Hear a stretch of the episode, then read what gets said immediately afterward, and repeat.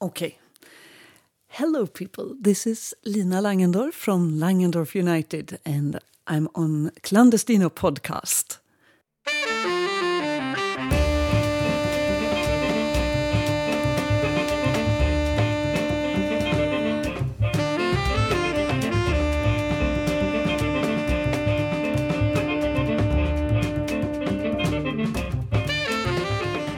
Episode 18. I'm Markus Görsch, and this music is from the debut album of uh, Swedish quintet Langendorf United, playing their second show ever at Clandestino Festival. With me today is bandleader Lina Langendorf, a saxophonist whose curiosity not only took her on a continuing musical exploration into Ethiopian jazz, she's even jammed with none other than Mulatu Astatke, also known the father of Ethio jazz.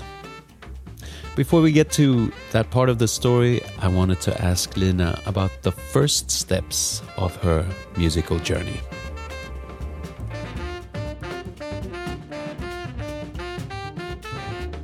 Of course, the first moment uh, in life with music has been with my parents because there's always been music at home. So they've been playing with us uh, when we were, were kids, me and my brother, and we were singing, and my dad was playing the guitar. And then I started playing the piano, and I played classical piano for a long time.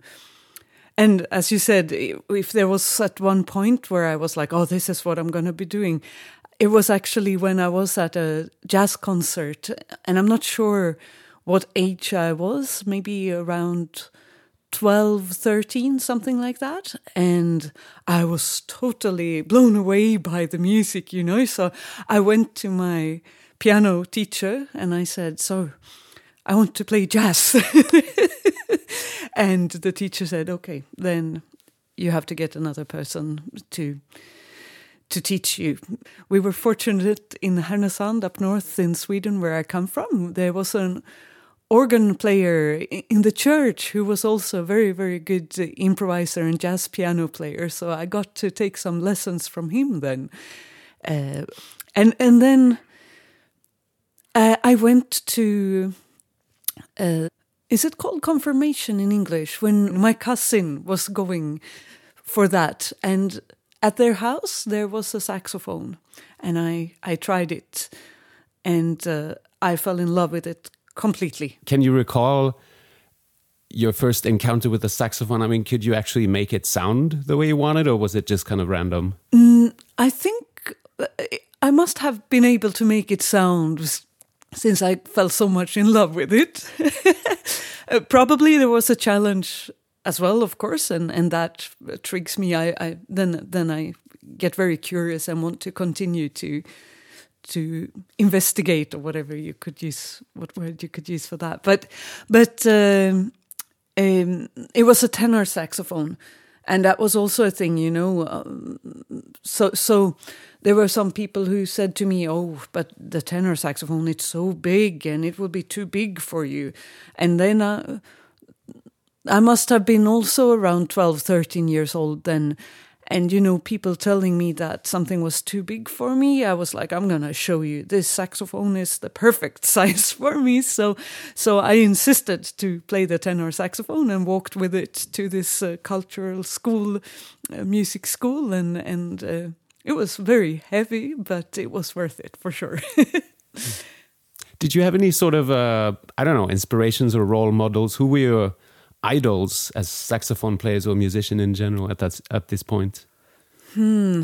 Uh, of course, my teachers uh, was the biggest idols uh, in the beginning, but they of course introduced me to a lot of music too. So I started to listen to Swedish saxophone players. The first one was uh, Jonas Knutsson, a very famous uh, saxophone player and he released his first album so that went on repeat at home but then of course in came Miles Davis, and with Miles Davis came John Coltrane and Wayne Shorter and and Cannonball Adderley. So they were and Eric Dolphy. They were they were all very present uh, for me as well, and uh, also the Scandinavian I started to, yeah, find Jan Garbarek, for example. So th there has been several different influences.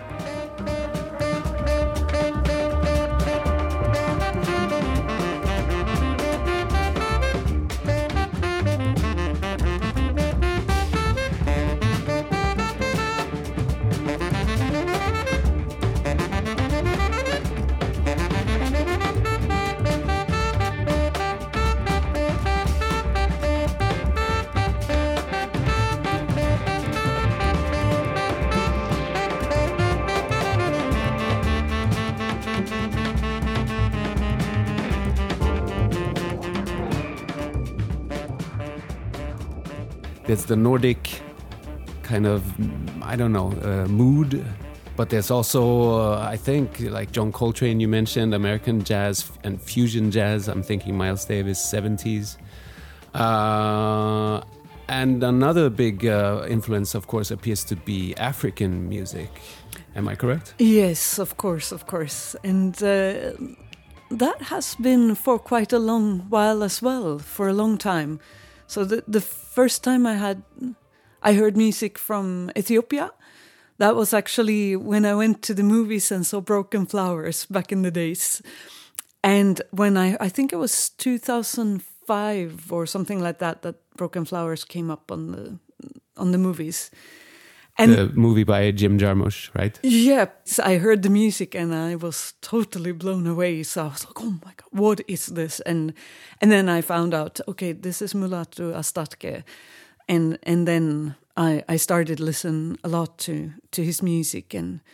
But also there has been a lot of music from West Africa, from Mali and Senegal and and Nigeria, of course. Speaking of saxophone players, Fela Kuti is a big inspiration as well. But it seems that your relationship with Ethiopian music is especially uh, kind of deep. I know you spent uh, time in Ethiopia and you met with musicians there and uh, did some sort of collaborations. Can you tell us a little bit more about how you pursued this interest in Ethiopian music and Mulatu Astatke's music, especially? Yeah, I, I think I've had in life, I had dreams about certain places to go to, certain countries. So Ethiopia has been one of them because of the music. And I think it was in uh, 2011 I started to to think about this that it would be amazing to be able to go to to Ethiopia, Addis Ababa, and and uh, and be there for some time, stay there for some time, and and then in 2012, I, by coincidence, I went into the website of Selam, the Swedish Ethiopian organization, and there was a there was an announcement there that oh. Now we have four places for Nordic artists in residence in Addis Ababa. You can go there and stay for you will stay for four weeks. Send in your interest and and we'll get back. So I sent an email straight away and Teshome Wondemu, who is uh, the founder of Selam, he called me straight away and I was like, How do you know about this? And I was like, oh, It was on your website. And he was like, Oh, we just put it up there. But it would be amazing if, if you if you go you've been to the continent before, although not Eastern Africa, but you've been East Africa, you've been to to West Africa, but but still.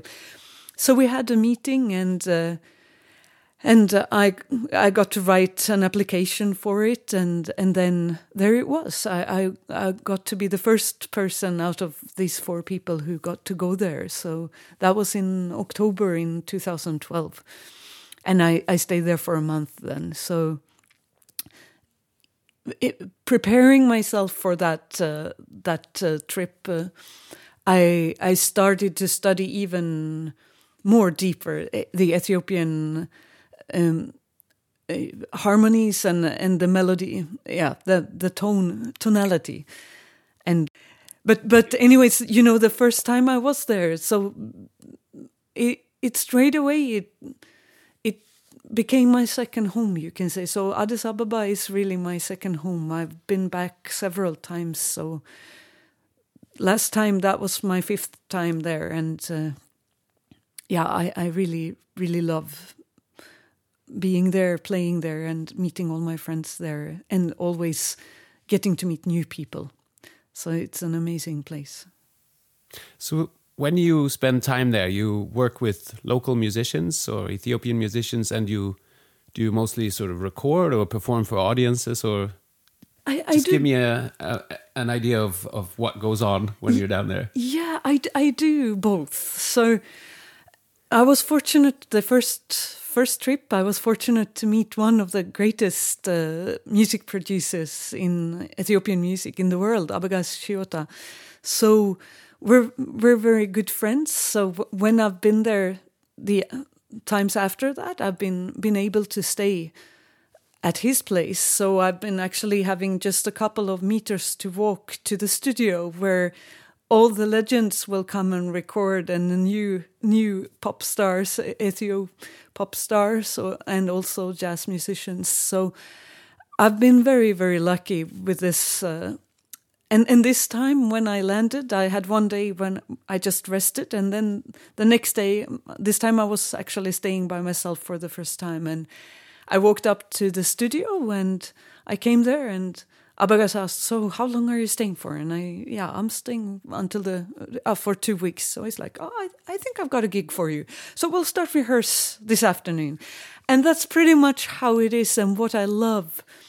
Both when I've been in Mali in Bamako and when I've been in Addis Ababa, is uh, how it's both both curious curiosity about a person and also a very open-minded vibe. So if you come with your saxophone, oh, you're a saxophone player. Oh, I've got a gig tonight. Do you want to join?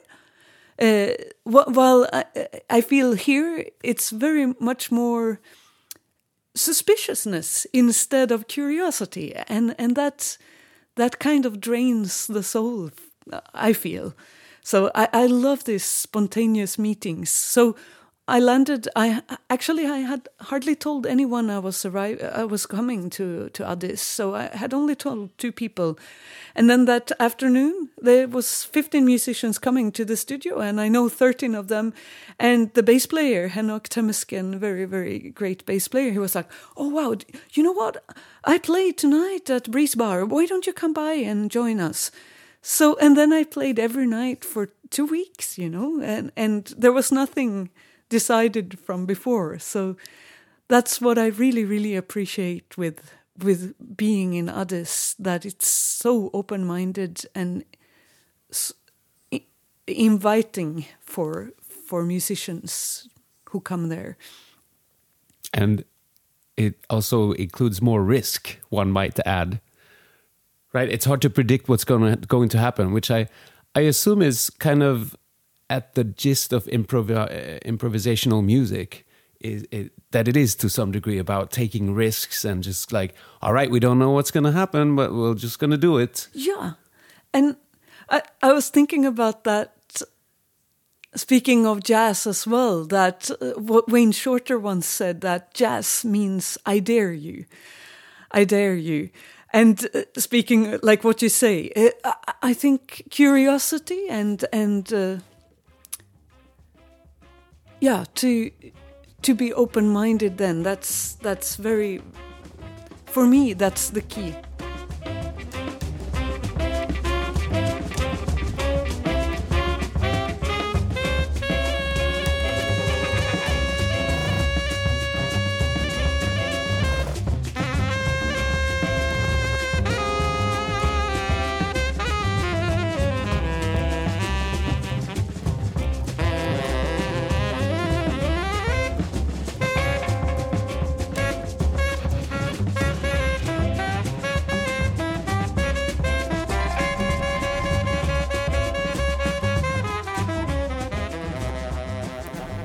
I just have to ask you one thing more about uh, Ethiopia, and that's this rumor that I heard that uh, Mr. Mulatu Astatke um, heard you play his music and that he was very pleased with it, or he somehow expressed his liking. Is this correct? Yeah, yeah, yeah. So I, I was very lucky. That was the first time I met uh, Dr. Mulatu Astatke. That was uh, in 2020, uh, I think.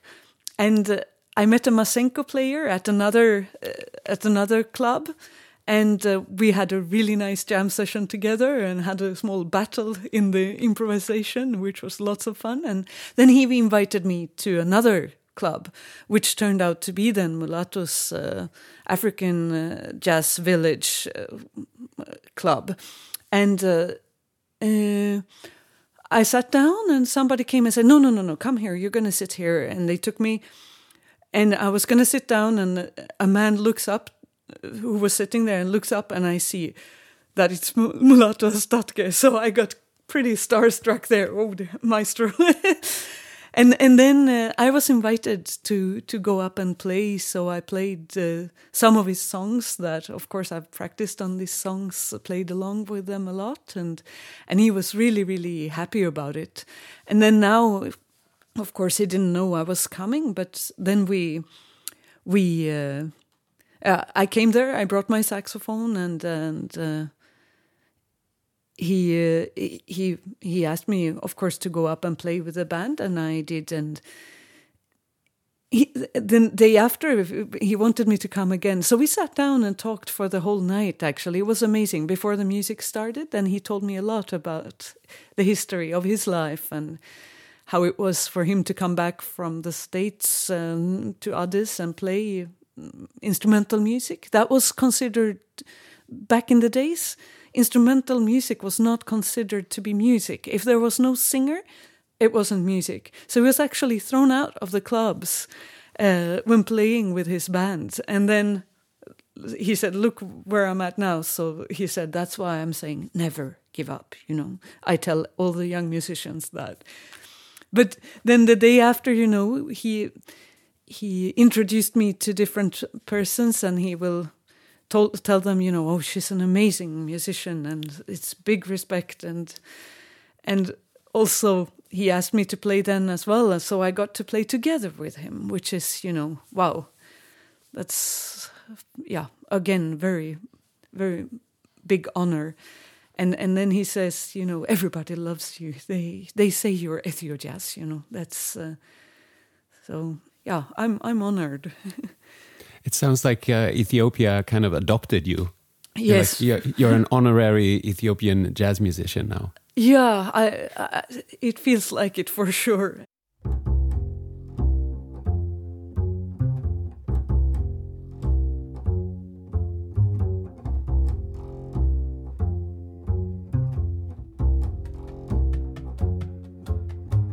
Let's move on to this group you have now and to the new album. The group is called Langendorf United, and you have it's kind of it's you on the saxophone, and then it's an all-star uh, quintet, no quartet. quartet so yes. altogether you have five people. Yes. Uh, do you want to just tell me quickly the members of of the group and what they what they do, who they are? Yeah, you know these musicians. Uh, they mean so much to me, both personally and and musically. So the first person I've met uh, in my life in this group is Ole Morten Vågan, so the bass player. We we studied together for four years in in Trondheim at the jazz conservatory there, and uh, he he became a very very important person for me. We played a lot together, and then I moved to Sweden, and we haven't played ever since. And I was applying for some. Uh, uh, for for a job where I was supposed to send in some jazz music, and I haven't really played jazz that kind of jazz music uh, for a very long time. So I actually went back in the days and find a small mini disc. and listened to it and it was the the concert when I took the exam so it was the concert and I heard Ole Morten's voice and I was oh wow that's right that's what he means to me he he's a guy. He gives me a lot of. Uh, I don't know the word in English. Uh, trygghet, comfort. Yes, comfort. You could say. So he comforts me just by his being. So. Uh, and then Andreas, the drummer, I, I met also when I was studying music. I was an exchange student from Norway to Gothenburg. So Andreas was studying there then, and we played a little bit back then. So that was also early 2000, it was. And uh, I started studying in 98 uh, and finished in 2002.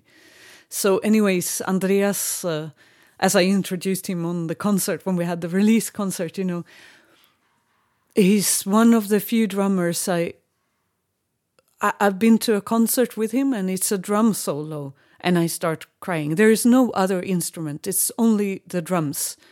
But his playing just makes me cry because it's so pure and so so strongly emotionally for me that it's uh, yeah I I can't find words for it. It's uh, yeah it's in a different dimension, and it's the same with Ole Morten's uh, bass playing. The way that he, he's got a force that's just going like a plow, just going through everything. He's yeah it's amazing the way that they are in music.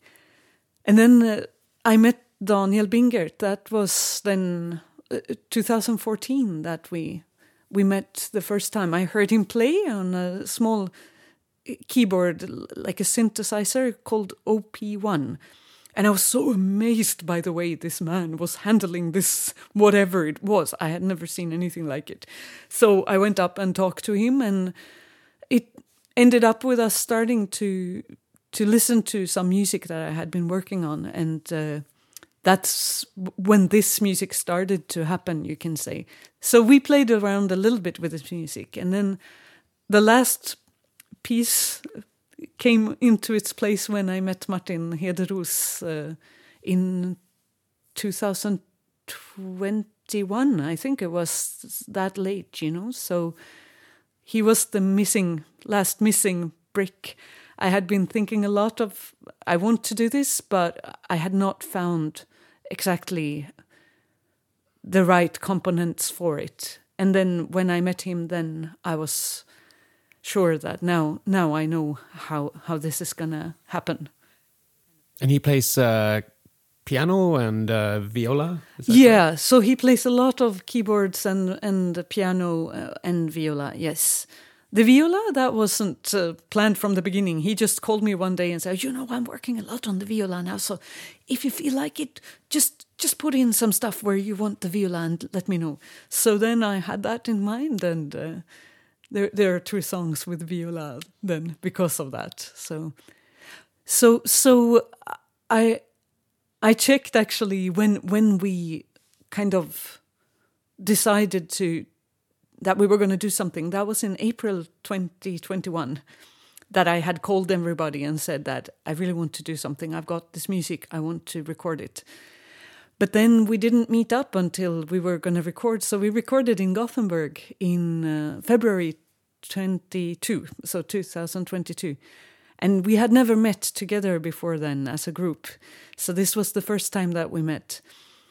And that was uh, thanks to Daniel. He was telling me how he had done once when he was going to record, and it was a lot of busy people. And he said, "So what you're going to do now?" Because I don't work with uh, with music written on paper. I've done it before, of course, but but now it's mainly just by ear. All I do is by ear.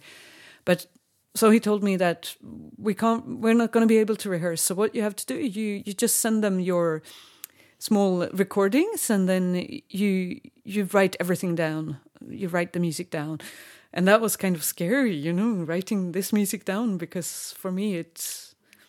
I felt like I was putting it in prison when I put the notes there on the on the score. So, eh? did you did you just write your parts then, sort of the saxophone parts, or is the whole music in its entirety, sort of the bass lines and the drums, they're all written down in sheet music? Uh, And it's the bass lines and the the melodies, and of course I've written down chords uh, when hmm. that's mm. needed, but uh, but that's it. So and then I I wrote down the plan for some forms how how how is the song going to start? How is it going to end? Kind of thing. I had thought a little bit about that, but then we just uh, experimented together in the studio. So it was three amazing days. Uh, I will never forget it. It was uh, it was paradise. but it was fun. I mean, I had played with all of the guys before, so it was only them who had not played together before. But because of me knowing them as well, how they are as people, as human beings, I, I had a feeling that this this is gonna work, and we, we were just uh, going into it with curiosity and uh, a lot of humor and playfulness. Okay, thank you, Lina Langendorf. So, thank you so much for being on Clandestino podcast, and we're looking forward to seeing you soon. Thank you. Thank you.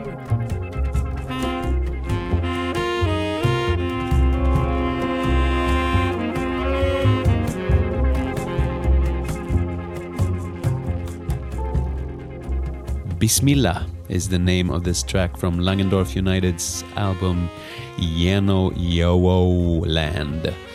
Information about Clandestino Festival and our concert series, yep, you find it at clandestinofestival.org.